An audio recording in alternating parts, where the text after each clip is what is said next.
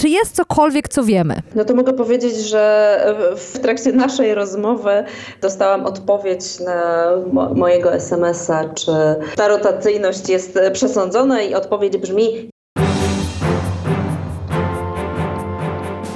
Nazywam się Agata Kowalska. Jestem dziennikarką Okopres i umiem zadawać pytania. Wciąż jeszcze wierzę, że świat można ponaprawiać, więc swoich gości, polityków i ekspertki pytam o rozwiązania. Swoje tematy dorzucacie i wy, słuchaczki i słuchacze powiększenia. Wspólnie wyrywamy się z pułapki, że nic się nie da i że nic nie ma sensu. Zawsze dochodzimy do sedna. No, prawie zawsze. Zapraszam.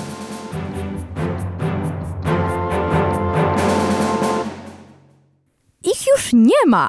Cieszył się wczoraj Donald Tusk. Podjąłem decyzję. Cieszył się chwilę wcześniej Andrzej Duda i ogłosił w orędziu, że misję stworzenia rządu powierza Mateuszowi Morawieckiemu, czyli obecnemu premierowi i przyszłemu posłowi opozycji w Sejmie dziesiątej kadencji. Co to wszystko oznacza? Kiedy powstanie rząd posiadający wyborczą legitymację? I jaki to będzie rząd? O tym dzisiaj w powiększeniu.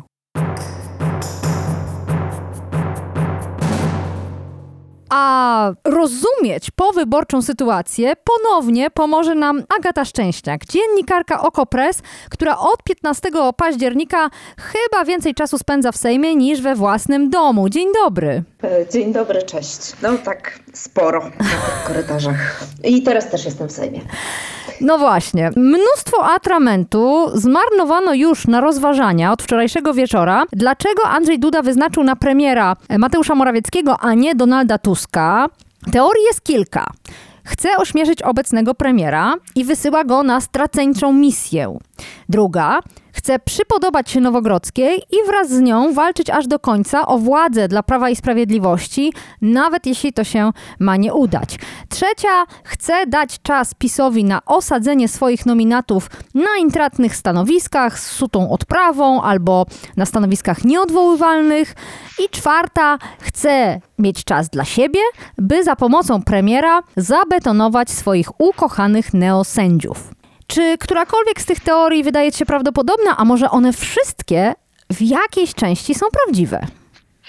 E, myślę, że wszystkie są prawdziwe. Ja bym dorzuciła jeszcze co najmniej dwie dodatkowe teorie, tak. ale zanim je dorzucę, to jedną rzecz chciałabym zaznaczyć. Mianowicie to, że Andrzej Duda wyznaczył Mateusza Morawieckiego na premiera. W pewnym sensie nie jest zaskakujące z politycznych powodów, o których będziemy rozmawiać, natomiast w tym Sejmie jest jedna większość i bez względu na to, co będzie powtarzał Andrzej Duda, co powtarza TVP, które cały czas próbuje stworzyć wrażenie, że Mateusz Morawiecki mógłby tę większość stworzyć, jest jedna większość i to nie ta większość dostała w tej chwili możliwość szybkiego stworzenia rządu. Ta jedna większość to jest większość pod przywództwem Donalda Tuska, czyli trzy koalicyjne formacje, Koalicja Obywatelska, Trzecia Droga i Lewica. No i one muszą poczekać na swoją szansę. A odpowiadając na Twoje pytanie o te teorie, to ja bym dorzuciła dwie jeszcze, dlaczego Andrzej Duda to zrobił. Mhm. Po pierwsze, z takich powodów osobisto-politycznych. Myślę, że Andrzej Duda nie był e, jednak zdolny do e, powierzenia misji tworzenia rządu Donaldowi Tuskowi. Pamiętamy, świetnie znamy, wiele osób powtarzało te epitety takie jak długopis, czyli prezydent, który podpisuje wszystko, e, zasłużone zresztą. E, no ale myślę, że byłoby jakoś niezwykle trudne dla Andrzeja Dudy, żeby e, powierzyć misję tworzenia rządu Donaldowi Tuskowi, który jest twarzą i liderem szerokiego obozu, gdzie właśnie tego rodzaju rzeczy Andrzeju Dudzie mówiono. Plus no jednak politycy tego obozu cały czas powtarzają, że chcą postawić Andrzeja Dudę przed Trybunałem, przed Trybunałem Stanu. Więc myślę, że to jest jakiś jednak trochę unik bo e, Donalda Tuska na premiera wyznaczy Sejm. Nie zrobi tego sam Andrzej Duda. Druga teoria jest taka, że Andrzej Duda albo jego w tej chwili chyba najbliższy współpracownik Marcin Mastalerek myśli w trochę dłuższej perspektywie, myśli trochę szerzej o polityce, myśli o tym, co się stanie z szerokim obozem prawicowo-konserwatywnym, który mógłby już nie być tylko obozem Prawa i Sprawiedliwości, e, no i że widzi tam dla siebie jakąś rolę. E, I w związku z tym nie mógł wyborcom, którzy, którzy jednak są wciąż wyborcami Prawa i Sprawiedliwości, powiedzieć: Nie dajemy wam szansy, żebyście zobaczyli e, swojego premiera. To są ci sami wyborcy, których Andrzej Duda spotykał na wiecach, przed którymi tańczył, do których przemawiał, do których się uśmiechał, których odwiedzał na Podkarpaciu czy w różnych innych miejscach. No i być może z, z tego powodu, takiej dbałości nie tyle o elektorat Prawa i Sprawiedliwości, ale być może przyszły swój własny e, elektorat e, wykonał taki gest. Jestem winna Wam wyjaśnienie dwóch kwestii. Jedna to to zabetonowanie neosędziów. Otóż wczoraj nagle okazało się, że prezydent Andrzej Duda złożył w Sądzie Najwyższym projekt zmiany regulaminu tego sądu. Jak pisze na naszych łamach Mariusz Jałoszewski, kluczowa jest zmiana dotycząca paragrafu 111, który mówi o podejmowaniu uchwał Sądu Najwyższego w pełnym składzie połączonych izb. Do tej pory taką uchwałę można było podjąć, gdy w posiedzeniu brało udział dwie trzecie sędziów tych izb, a prezydent chciałby obniżyć tę liczbę do połowy składu. Dzięki temu będzie mógł wykorzystać samych neosędziów i podważyć słynną uchwałę trzech izb, która stwierdzała, że neosędziowie są neosędziami, neo-KRS jest nielegalna, a Izba Dyscyplinarna łamie konstytucję. Prezydenta zawsze to bolało, że uderza się w jego prerogatywy, w te powołania sędziowskie, które należą do prezydenta, i wymyślił taki sposób. Aha, co to ma wspólnego z premierem? Otóż ten regulamin Sądu Najwyższego zmienia prezydent, nie Sąd Najwyższy, tylko właśnie prezydent, ale za zgodą premiera. Więc wielu wskazywało, że potrzebny jest Andrzejowi Dudzie premier Morawiecki po to, żeby złożyć tę kontrasygnatę. Ale tu są dwie kwestie, na które warto zwrócić uwagę. Po pierwsze, ta zmiana może się dokonać błyskawicznie, nawet w ciągu najbliższych kilku dni, jeszcze w tym tygodniu, co oznacza, że nie miałoby większego znaczenia, kto byłby wyznaczony przez Dudę jako przyszły premier. A druga sprawa to uwagi Marcina Szweda, znakomitego prawnika z Helsińskiej Fundacji Praw Człowieka, który na Twitterze napisał, że przecież ta słynna uchwała trzech izb Sądu Najwyższego wedle oficjalnej narracji PiSu już dawno została uchylona wyrokiem pseudo-Trybunału Konstytucyjnego. I dalej pisze Szwed, jej zmiana w takim trybie, czyli w tym nowym trybie wymyślonym przez prezydenta, będzie miała taki sam wpływ na legalizację powołań neosędziów, co wyrok pseudo-Trybunału, czyli żaden, komentuje Marcin Szwed. Wszystko to razem oznacza, że prezydent podejmuje próby usankcjonowania swoich własnych decyzji, ale chyba trafi na sprytniejszych od siebie prawników. O co chyba nie trudno. Druga kwestia to to osadzanie nominatów pisowskich na różnego rodzaju intratnych stanowiskach. Wiele osób zwraca teraz uwagę na Komisję Nadzoru Finansowego. Akurat mija termin powołania jej prezesa. W związku z tym, jak niektórzy argumentują, pełni trwogi, za chwileczkę pisowski prezes Komisji Nadzoru Finansowego nominuje nowych prezesów banków, też ludzi z Prawa i Sprawiedliwości i nie będzie można ich odwołać. Tyle tylko, że to też nie do końca jest prawda, ponieważ tu akurat powołuje się na opinię Bartka Godusławskiego, świetnego dziennikarza ekonomicznego. On y, wskazuje, zresztą nie on jeden, że można odwołać prezesa banku bez zgody Komisji Nadzoru Finansowego, ponieważ o tym decyduje Rada Nadzorcza. Natomiast nie można nowego prezesa powołać bez zgody KNF, ale na to też jest sposób. Wystarczy, że wyznaczy się PO prezesa, bo taki pełniący obowiązki może funkcję pełnić długo i czekać na lepszą sytuację, lepszą atmosferę w samej KNF. Można podejrzewać, że prezydent trochę kombinuje, ale być może wcale nie te kwestie przeważyły o decyzji na korzyść Morawieckiego. A teraz już wracamy na wiejską. W Sejmie cały czas jest Agata Szczęśniak. Druga rzecz, którą wczoraj ogłosił prezydent w tym orędziu, to kto będzie pełnił funkcję marszałka seniora. I muszę powiedzieć, że no dobre kilka lat zajmuję się już polityką i nie pamiętam, żeby kiedykolwiek tyle uwagi poświęcano roli, no cóż, no symbolicznej. Tę funkcję będzie pełnił Marek Sawicki, wieloletni poseł Polskiego Stronnictwa Ludowego. Dlaczego tym razem tyle wokół tego uwagi? Chyba Marek Sawicki nawet dzisiaj pojawił się w Sejmie i spotkał z dziennikarzami. Co się dzieje?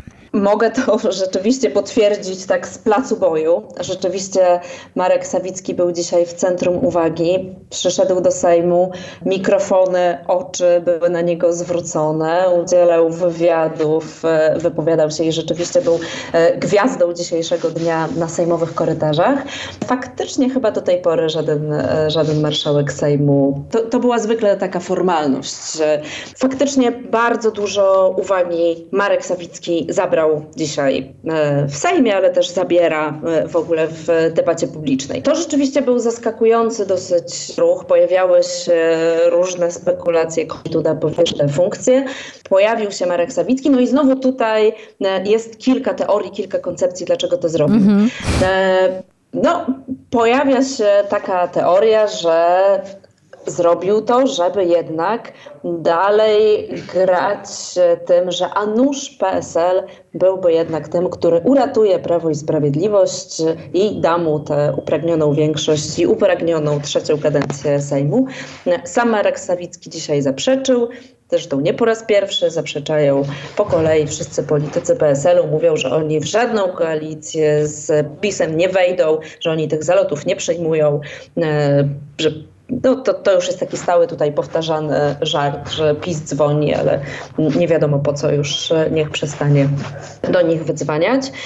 Inna koncepcja jest taka, że no jednak prezydent rozegrał trochę, trochę na dwa fronty. Z jednej strony dał e, misję tworzenia rządu Mateuszowi Morawieckiemu, czyli pokazał, że jednak cały czas jest związany ze swoim obozem, z Prawem i Sprawiedliwością, ale z drugiej strony tego marszałka seniora komuś z wciąż jeszcze obecnej opozycji, przyszłej większości rządzącej, czyli że wykonał jakiś jednak gest taki pokazujący, że no on stoi tutaj po stronie demokracji. Trzecia koncepcja, która się pojawia jest taka, że prezydent chce jednak budować wcale nie między PiSem a PSL-em, jakieś porozumienie, tylko między sobą a PSL-em. To się pojawiało, pisała o tym m.in. Dominika Wielowiejska w Gazecie Wyborczej. Pojawiło się też już to też w moich rozmowach e, z politykami trzeciej drogi, którzy mówili, że sama trzecia droga, czyli nie tylko PSL, ale, ale też Polska 2050 widzi siebie jako takiego pośrednika między przyszłym rządem Donalda Tuska a Pałacem Prezydenckim. No i tutaj no, wyznaczenie Marka Sawickiego jako marszałka seniora miałoby być takim mm, ukłonem Andrzeja Dudy właśnie w stronę PSL-u i powiedzenie, no tak, tutaj jakiś most możemy między sobą zbudować. Też oczywiście pojawiły się teorie spiskowe, że jeśli marszałkiem seniorem będzie ktoś na przykład z Prawa i Sprawiedliwości, to ogłosi przerwę w obradach Sejmu na wieczność i nigdy PiS nie odda władzy. Było jeszcze kilka innych teorii bardziej radykalnych, to już nie będę nawet przytaczać. Rozumiem, że wraz z tą nominacją mamy pewność, że Sejm ruszy a właściwie kiedy ruszy? Kiedy mamy się spodziewać tego pierwszego posiedzenia? No to, to też był temat dzisiaj w Sejmie, ale tak, rzeczywiście tak jak mówisz, tutaj mm, politycy tej nowej większości Koalicji Obywatelskiej Lewicy Trzeciej Drogi odetchnęli z ulgą i powiedzieli, że bez względu na te teorie, bez względu na wytłumaczenia, motywację e, Andrzeja Dudy, bardzo dobrze bo rzeczywiście to wszystko pójdzie bardziej płynnie, wiadomo czego się spodziewać. Andrzej Duda zapowiedział, że pierwsze posiedzenie Sejmu odbędzie się 13 listopada. Ale e, ja siedzę tutaj w Sejmie, jest 7 listopada, wtorek, e, popołudnie. W każdym razie w tym momencie, kiedy my, e, Agato, rozmawiamy, jeszcze nie ma oficjalnego pisma od pana prezydenta o zwołaniu tego posiedzenia Sejmu. Więc to budziło tutaj niepokój i o, o tym dzisiaj na korytarzach się mówiło. Jutro, czyli w środę, w południe, odbędzie się spotkanie organizacyjne w, z udziałem marszałka seniora, Marka Sawickiego z PSL-u i no, tam mają zapaść różne pierwsze decyzje dotyczące organizacji pracy tego nowego Sejmu, ale przede wszystkim tego, jak będzie wyglądało to pierwsze posiedzenie, no, które, mimo że jeszcze cały czas formalnie to, to nie jest jakoś ustalone, no, ma się odbyć właśnie 13 listopada. Z tego, co mówili tutaj posłowie, ma być jednodniowe. Ja pytałam, czy na tym e, posiedzeniu mamy się spodziewać być może jakichś niespodzianek, czy, czy obecna opozycja coś szykuje. Powiedziano mi, że nie, że ten dzień i tak będzie bardzo intensywny, będą ślubowania, będzie powołanie marszałków, będą jakieś różne formalne punkty, które trzeba przejść i pewnie na nie zostanie wykorzystane całe to hmm. e, całodniowe, poniedziałkowe posiedzenie. No tutaj możemy się, mam nadzieję, wszyscy trochę uspokoić. 13 listopada to jest chyba przedostatni dzień w tym terminarzu konstytucyjnym, jaki ma prezydent na zwołanie pierwszego posiedzenia Sejmu po wyborach, więc y, no, oczywiście prezydent przyzwyczaił nas, że potrafi łamać konstytucję, ale może w tym przypadku pozwoli sobie jednak na to, by ustawę zasadniczą szanować. Zobaczymy. My na pewno w Okopres będziemy ten pierwszy dzień e, nowego Sejmu, Sejmu dziesiątej kadencji szczegółowo śledzić. A a propos terminów, kiedy poznamy umowę koalicyjną prawdziwej koalicji rządzącej? No, według e, zapowiedzi Donalda Tuska z Jagodnego z poniedziałkowego wieczoru mamy ją poznać w piątek. E, I znowu pytałam tutaj e, polityków, też tych, którzy negocjują tą umowę, no i powiedzieli, że na pewno w piątek coś zostanie przedstawione. Czy to już będzie taki ostateczny kształt tej umowy, czy to będzie ten dokument mniej lub bardziej szczegółowy, tego nie wiadomo, chociaż no, to z pewnością będzie jakiś dokument, który będzie co najmniej bardzo bliski tej umowie koalicyjnej. Teraz no, nawet dzisiaj trwały spotkania, e, trwały jeszcze dalsze jakieś intensywne ustalenia między osobami, które dopinają tę umowę koalicyjną, więc no, w piątek przynajmniej jakaś jej wersja, może już ostateczna, a może bliska tej ostatecznej, zostanie ogłoszona. No, jeszcze jedno zastrzeżenie co do tego, e, tego terminarza. No, ponieważ Andrzej Duda odsunął ten moment powołania rządu, tej większości parlamentarnej, która faktycznie ma większość, która jest jedyną istniejącą w tym parlamencie większością, no to tak naprawdę ona ma też e, więcej czasu. I tutaj dzisiaj na korytarzach w ogóle pojawiało się pytanie, czy ten poniedziałek, 13 października, to będzie ten dzień, kiedy Andrzej Duda desygnuje Mateusza Morawieckiego na premiera, bo być może wcale tak nie będzie. A jeśli tak nie będzie, no to znaczy, że i Mateusz Morawiecki i Prawo i Sprawiedliwość. E, Mateusz Morawiecki jako premier obecnego rządu dostanie jeszcze więcej czasu. No a z drugiej strony, że ta tworząca się nowa większość rządząca też dostanie jeszcze więcej czasu. I, i dlatego ja stawiam to zastrzeżenie, że, że nie, nie jestem tak w 100% pewna, czy to, co zobaczymy w piątek, to będzie ostateczna umowa koalicyjna, no bo skoro jest więcej czasu, no to może politycy będą chcieli go wykorzystać, żeby mm, jeszcze nad czymś podyskutować. Tak, bo tu musimy podkreślić, że ogłoszenie nazwiska Morawieckiego w orędziu to nie jest jeszcze wykonanie pierwszego kroku konstytucyjnego, to musi być oficjalne desygnowanie. Ciekawe, kiedy prezydent Andrzej Duda zdecyduje się to zrobić. Mówiłaś o tym, że umowę koalicyjną może poznamy już 10 listopada, a może jej część, a w tym momencie w wirtualnej Polsce ukazał się artykuł Patryka Michalskiego, który pisze o tym, że marszałkowie Sejmu i Senatu będą rotacyjni będzie większa przestrzeń do łączenia interesów wszystkich partii i to są słowa szefa klubu Lewicy Krzysztofa Gawkowskiego. Na początku marszałkiem Sejmu będzie Szymon Hołownia, a później Włodzimierz Czarzasty, nie pada nazwisko marszałka Senatu czy marszałków Senatu. Więc już coś wiemy. E, no tak, ta kwestia marszałka Sejmu była taką, która mm, rozgrzewała tu polityków, którzy tworzą nową koalicję e, najbardziej. To było to stanowisko, do którego no, pretensje jako pierwszy zgłosił Szymon Hołownia. Ja o tym pisałam, pisali, pisali też różni inni dziennikarze i dziennikarki. Szymon Hołownia chce kandydować w wyborach e, prezydenckich i uznał, że właśnie stanowisko marszałka Sejmu będzie tym, e, z którego najlepiej, najłatwiej, najwygodniej będzie mu e, kandydować na prezydenta Polski. Nie chce być w rządzie, nie chce zajmować żadnego rządowego stanowiska, chce zachować pewien dystans wobec rządu e, i zostać tym marszałkiem.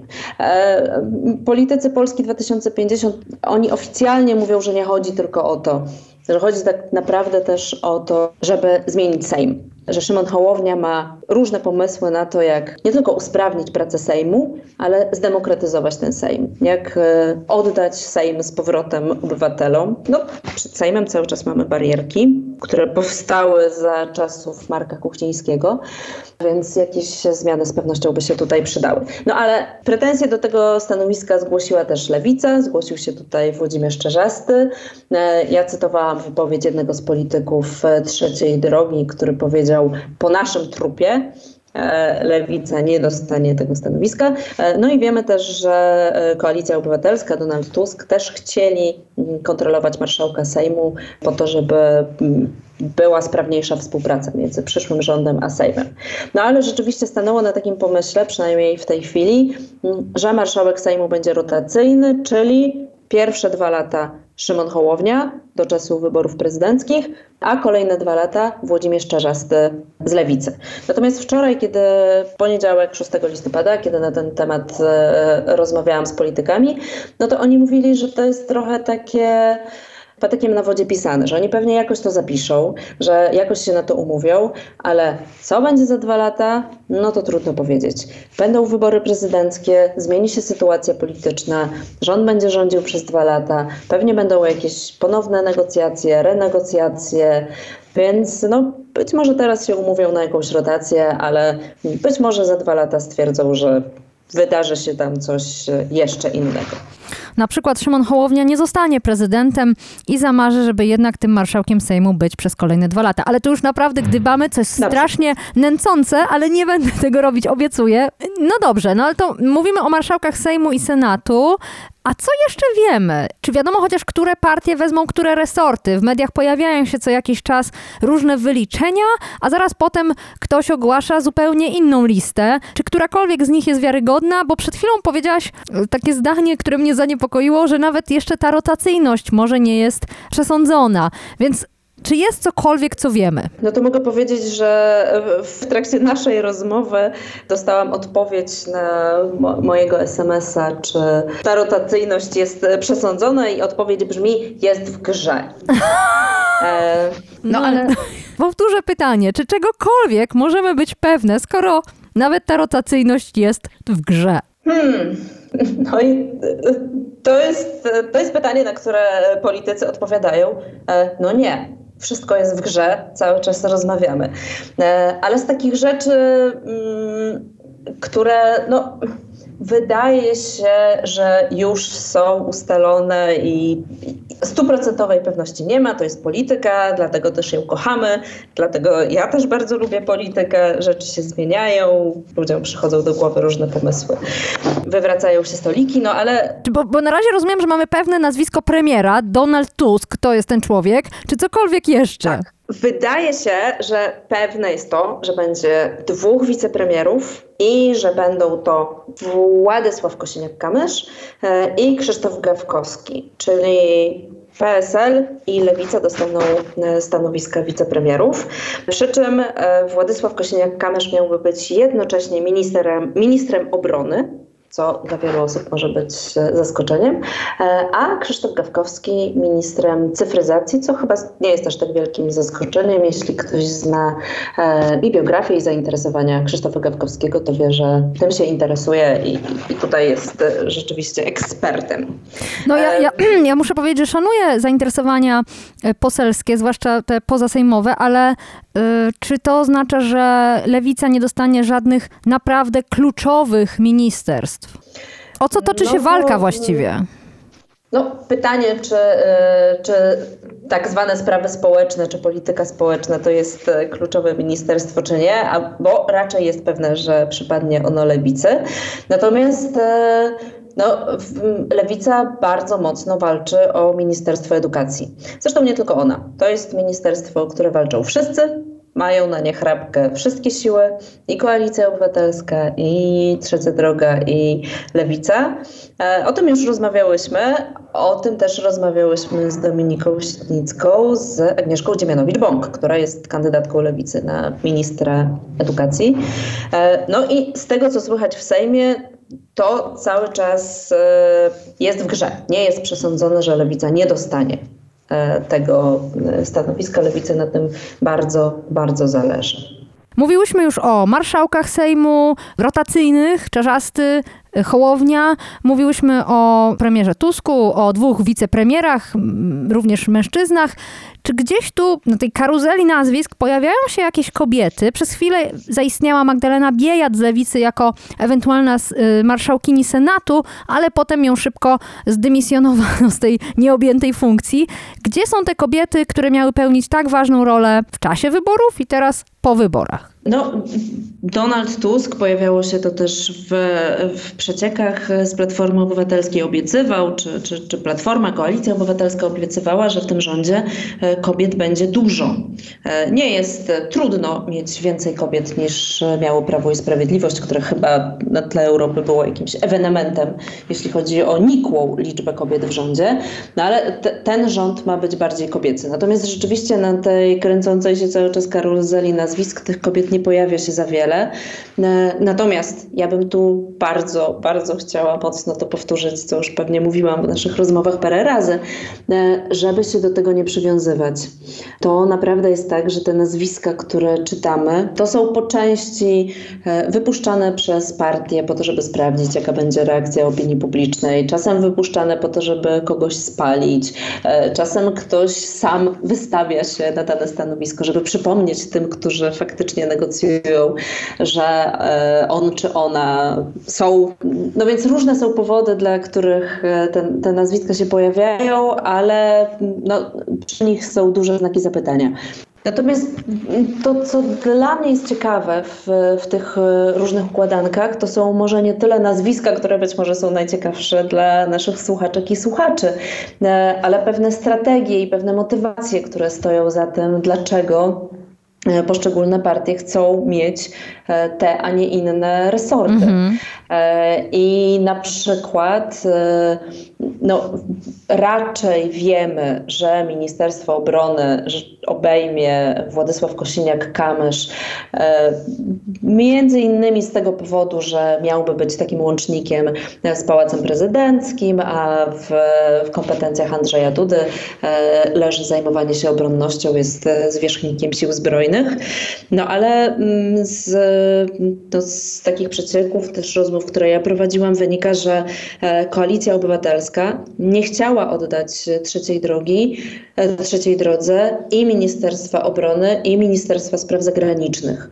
E, w związku z tym, chociaż przez pewien czas się mówiło, że trzecia droga miałaby objąć Ministerstwo Spraw Zagranicznych, bo tam są osoby, które na tym się znają, które no też zgłaszały pretensje do tego ministerstwa, takie jak Katarzyna Pełczyńska-Nałęcz na przykład, e, była ambasadorka w Moskwie, no to e, podobno teraz to ministerstwo jest na tym stoliku, który należy do Koalicji Obywatelskiej.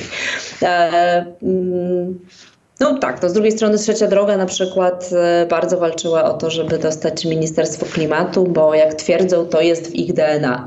Klimat, który e, Polska 2050 trochę schowała w czasie kampanii wyborczej, no nawet nie trochę, e, po to, żeby nie drażnić swojego współkoalicjanta, czyli PSL-u, no to jednak jak już się znajdzie w rządzie, to chciałaby mieć w tym swoim zasobie i tam przeprowadzać zmiany, które, które zapowiadała w programie. E, no, z tego, co słychać, Ministerstwo Sprawiedliwości to jest z kolei takie, e, które Donald Tusk chce mieć e, pod kontrolą i tutaj usadzi jedną z, z zaufanych osób.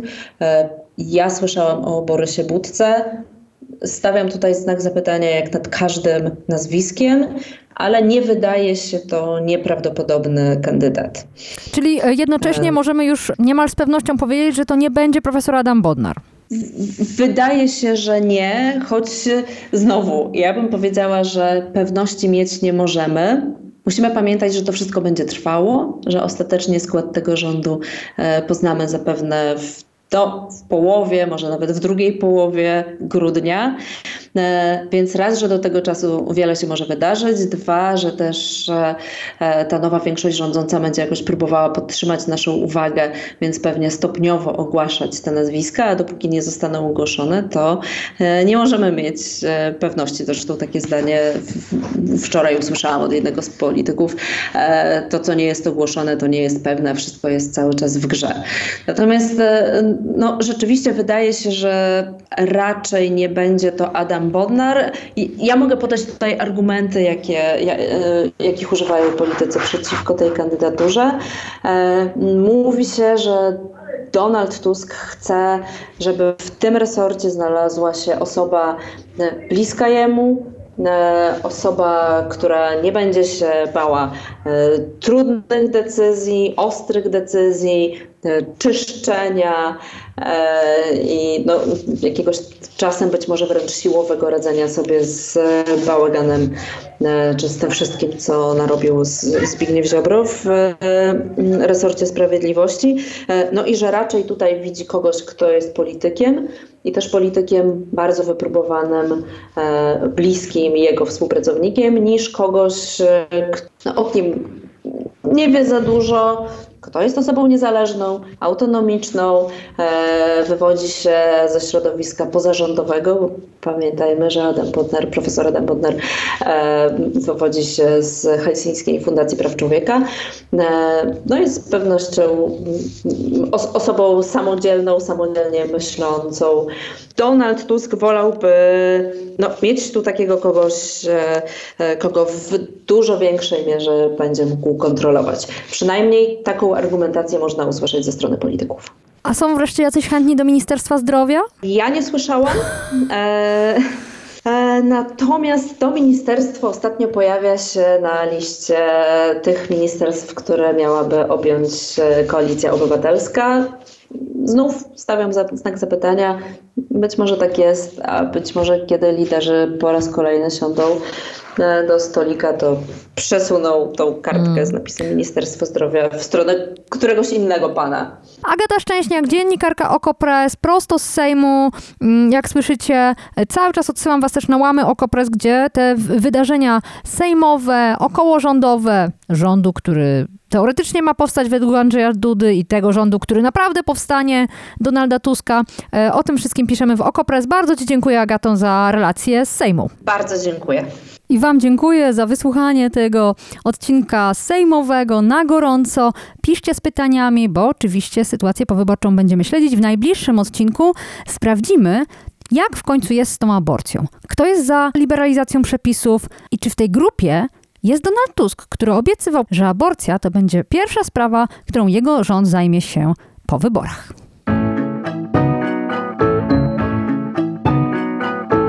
To było Powiększenie, podcast Agaty Kowalskiej.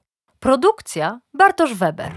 Powiększenie znajdziesz na stronie Okopres i w Twojej ulubionej aplikacji do podcastów. Masz pomysł na temat albo komentarz? Napisz do mnie agata.kowalska małpaoko.press. Stałych darczyńców zapraszamy na grupę Okopres na Facebooku Twoja okolica.